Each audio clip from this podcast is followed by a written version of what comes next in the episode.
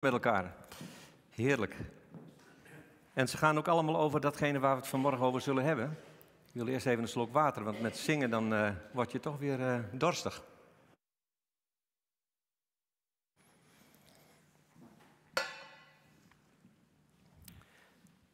Ja, ik uh, werd erbij bepaald bij hetgeen wat ik aan u wil brengen en wat God op mijn hart legde. En ik wil beginnen met het lezen van een tekst uit Jesaja, nou, de liederen die we gezongen hebben, veel daarvan die gingen ook eigenlijk al over dat gebeuren wat daar beschreven wordt. Jesaja 61, vers 2 en 3a lees ik u uit de MBG-vertaling. Om uit te roepen een jaar van het welbehagen des Heren en een dag der wraken van onze God. Om alle treurenden te troosten, om over de treurenden van Sion te beschikken, dat men hun geven hoofdsieraad in plaats van as Vreugdeolie in plaats van rouw. Een lofgewaad in plaats van een kwijnende geest. Het gaat mij met name om, om alle treurenden te troosten. Dat kan iedereen zijn. We hebben het niet, niet alleen over de mensen, de treurenden van Sion, maar God wil ieder troosten die treurt. Dat men hun geven hoofdsieraad in plaats van as, vreugdeolie in plaats van rouw en een lofgewaad in plaats van een kwijnende geest. Sinds enige tijd staat op ons prikbord, of komen er regelmatig stukken voorbij die betrekking hebben op International Justice Mission. Uh, degene die dat verzorgt, die zit in ons midden. Als u wel eens op ons prikbord komt, dan weet u dat. En vorige week hebben we hier zelfs nog een collecte voor gehouden. Het is een internationale organisatie die zich inzet voor het recht van zelfbeschikking voor elk individu, man, vrouw, kind en die een eind wil maken aan mensenhandel, uitbuiting, slavernij, in welke vorm dan ook. Ik heb me twintig jaar lang mogen inzetten voor vluchtelingen. En ik durf te stellen dat het werk van International Justice Ministry niet overbodig is. Regelmatig kom je in vluchtelingenopvang in aanraking met vormen van mensenhandel en slavernij. Berichten hierover komen toch ook nog regelmatig in de media. Onlangs nog ging het over de verdwijning van tientallen Afrikaanse meisjes in de periode dat ik helaas werkte voor het COA, maar die verdwenen in de negentiger jaren. Dan hebben we het over moderne vormen van slavernij. Vaak zijn slechte heren bepalend voor het beeld wat wij hebben van slavernij. Maar in de Bijbel is niet alles negatief over slavernij. Het zal je verbazen over hoeveel positieve wetten God over slaven heeft geschreven en doorgegeven via Mozes. Als je bijvoorbeeld Exodus 21 leest, dan zie je dat in het koninkrijk van God gebondenen en slaven vrij worden. Nou, dat is een boodschap die mag u sowieso meenemen, want dat is het leven van een kind van God. Vorige week heeft het einde van slavernij op 1 juli 1863 in het Koninkrijk van de Nederlanden veel aandacht gekregen. Geprobeerd wordt zelfs om van 1 juli een nationale feestdag te maken, als herinnering hieraan. De, de Surinaamse en Antilliaanse gemeenschap, maar ook heel veel Nederlanders maken zich hier sterk voor. Maar helaas moet ik dan zeggen, maakt een dergelijke feestdag erkenning van deze foute handelingen uit het verleden, herinrichting van musea of het herschrijven van geschiedenisboeken maakt geen einde aan slavernij. Zolang God niet regeert door zijn zoon vanuit Jeruzalem, zal er geen eind aan komen.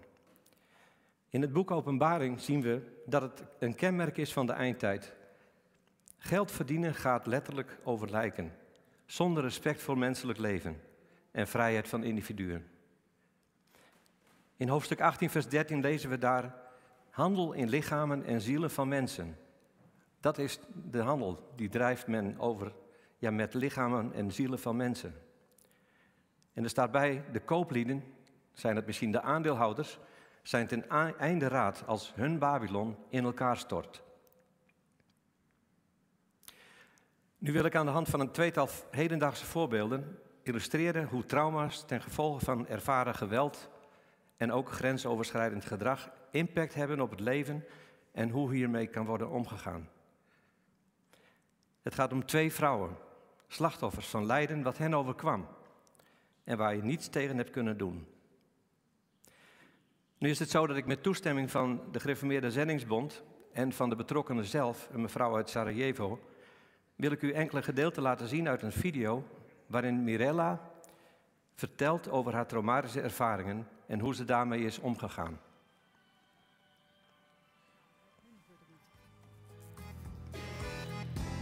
I was born in Sarajevo, in this city, and a big part of my story is living through the war in the 90s. I was six years old, and I didn't really understood what was happening. My parents decided to move out of our house, thinking they will come back in a couple of days. And we left all of our things and went to my grandparents' place and didn't return home for the next four years. All that we had was gone. My childhood was taken away from me. I grew up overnight and never really had time to process what happened. I became a believer when I was 20 years old, and soon after that, God put this strong desire in my heart to deal with what happened to me. At first, I avoided my pain and refused to face my grief. I was afraid of going to that place and kept running away from it, hoping it would go away by itself. I ignored my emotions for years I didn't really believe that war actually affected me as much as it did. I tried to control my life as much as possible. And what I really appreciate about God is that through all this time, He was very patient with me, waiting for me to come to that place of openness and readiness to begin the process.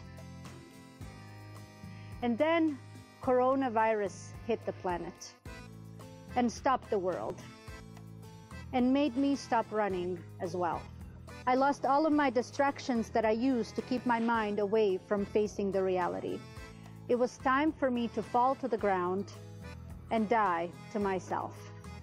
I have had a desire to become a therapist for years. And I believe this is my unique gift that I can use to serve God here in Bosnia and Herzegovina. But in order to become a therapist, one must go through therapy themselves. And finally, for the first time in my life, I was ready to start that process. My biggest fear in walking into this process was feeling all the pain of my past and not being able to handle it.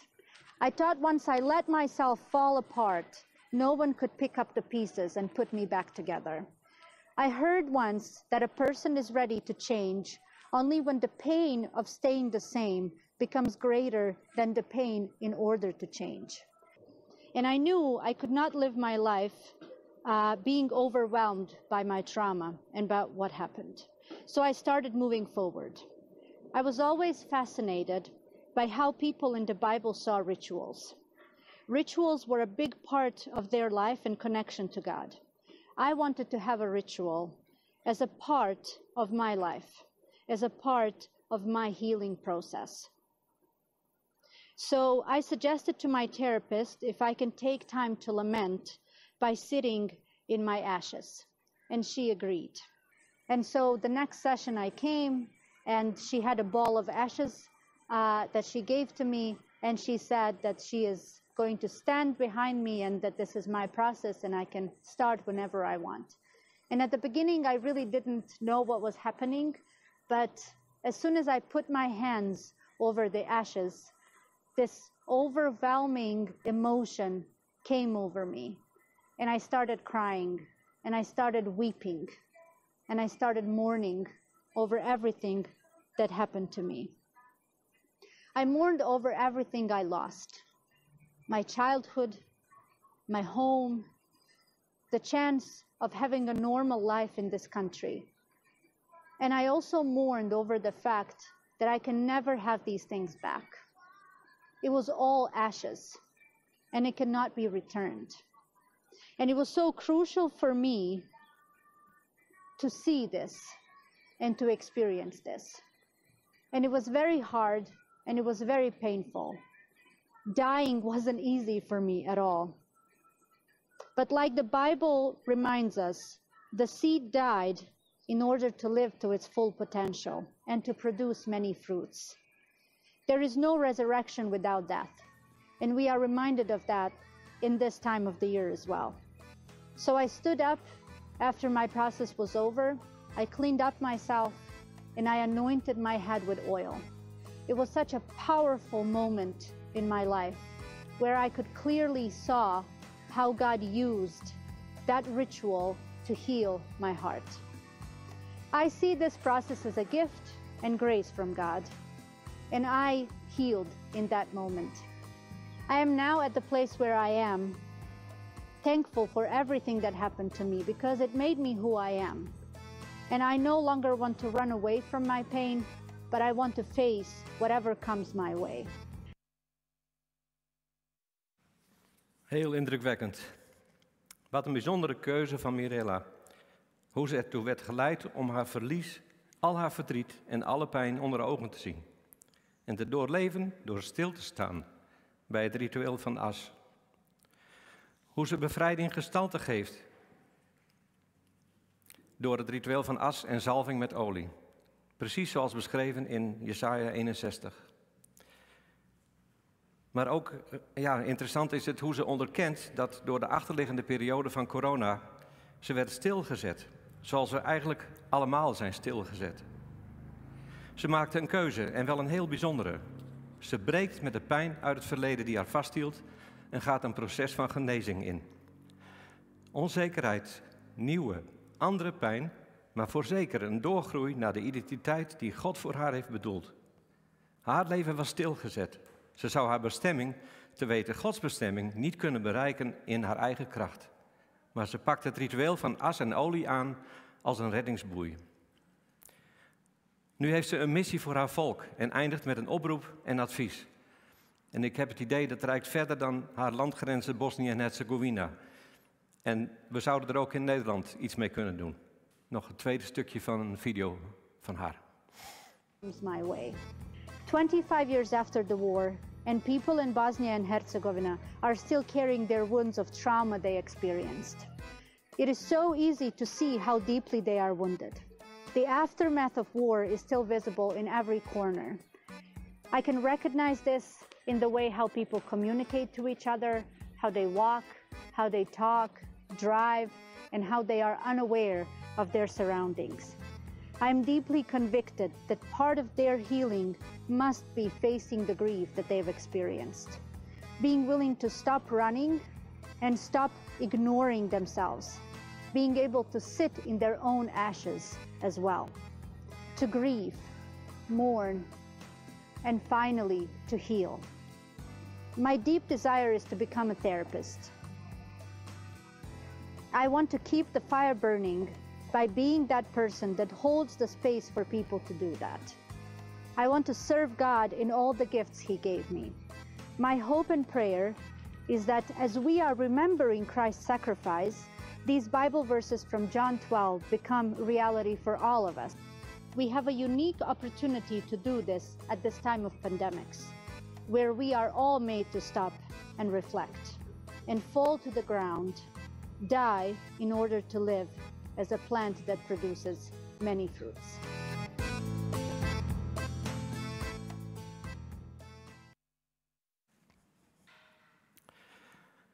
Dat was uh, Mirella.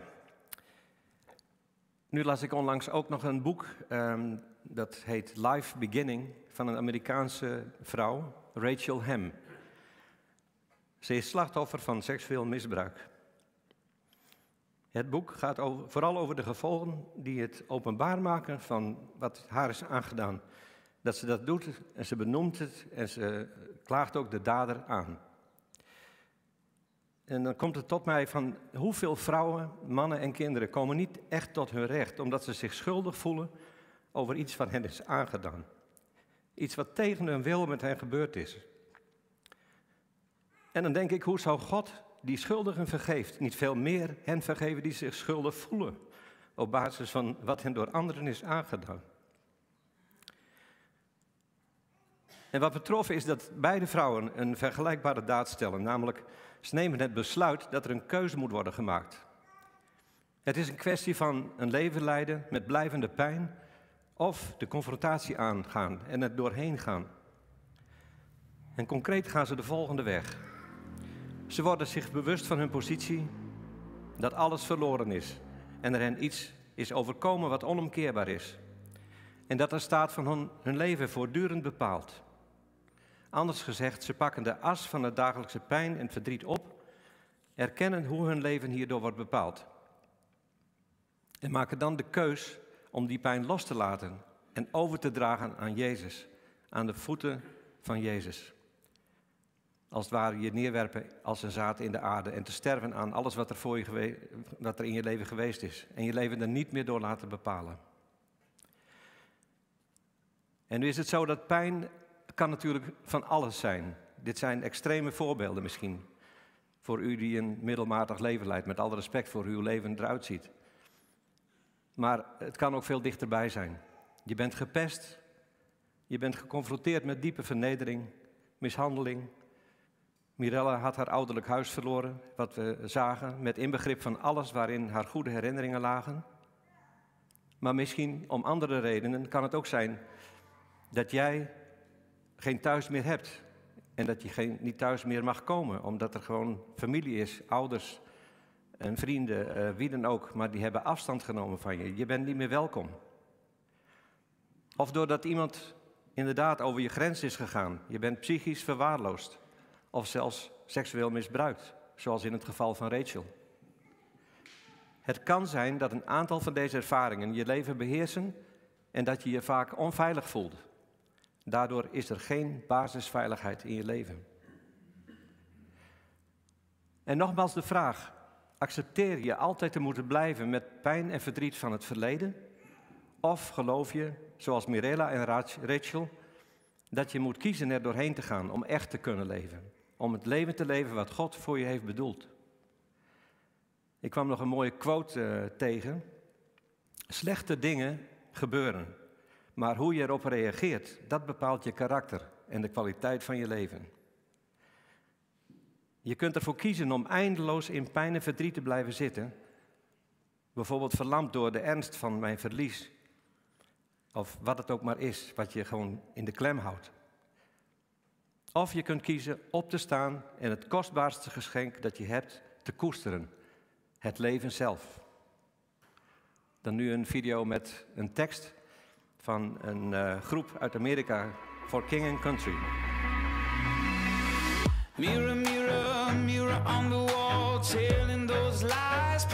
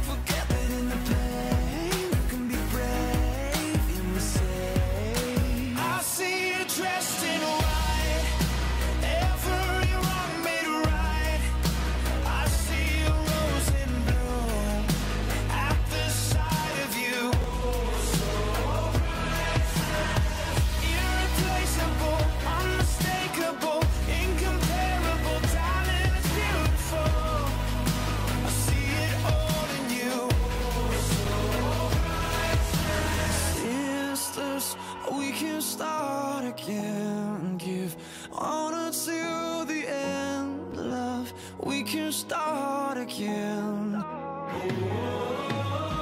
Brothers, we can start again. You honor to the end, yeah. We can start.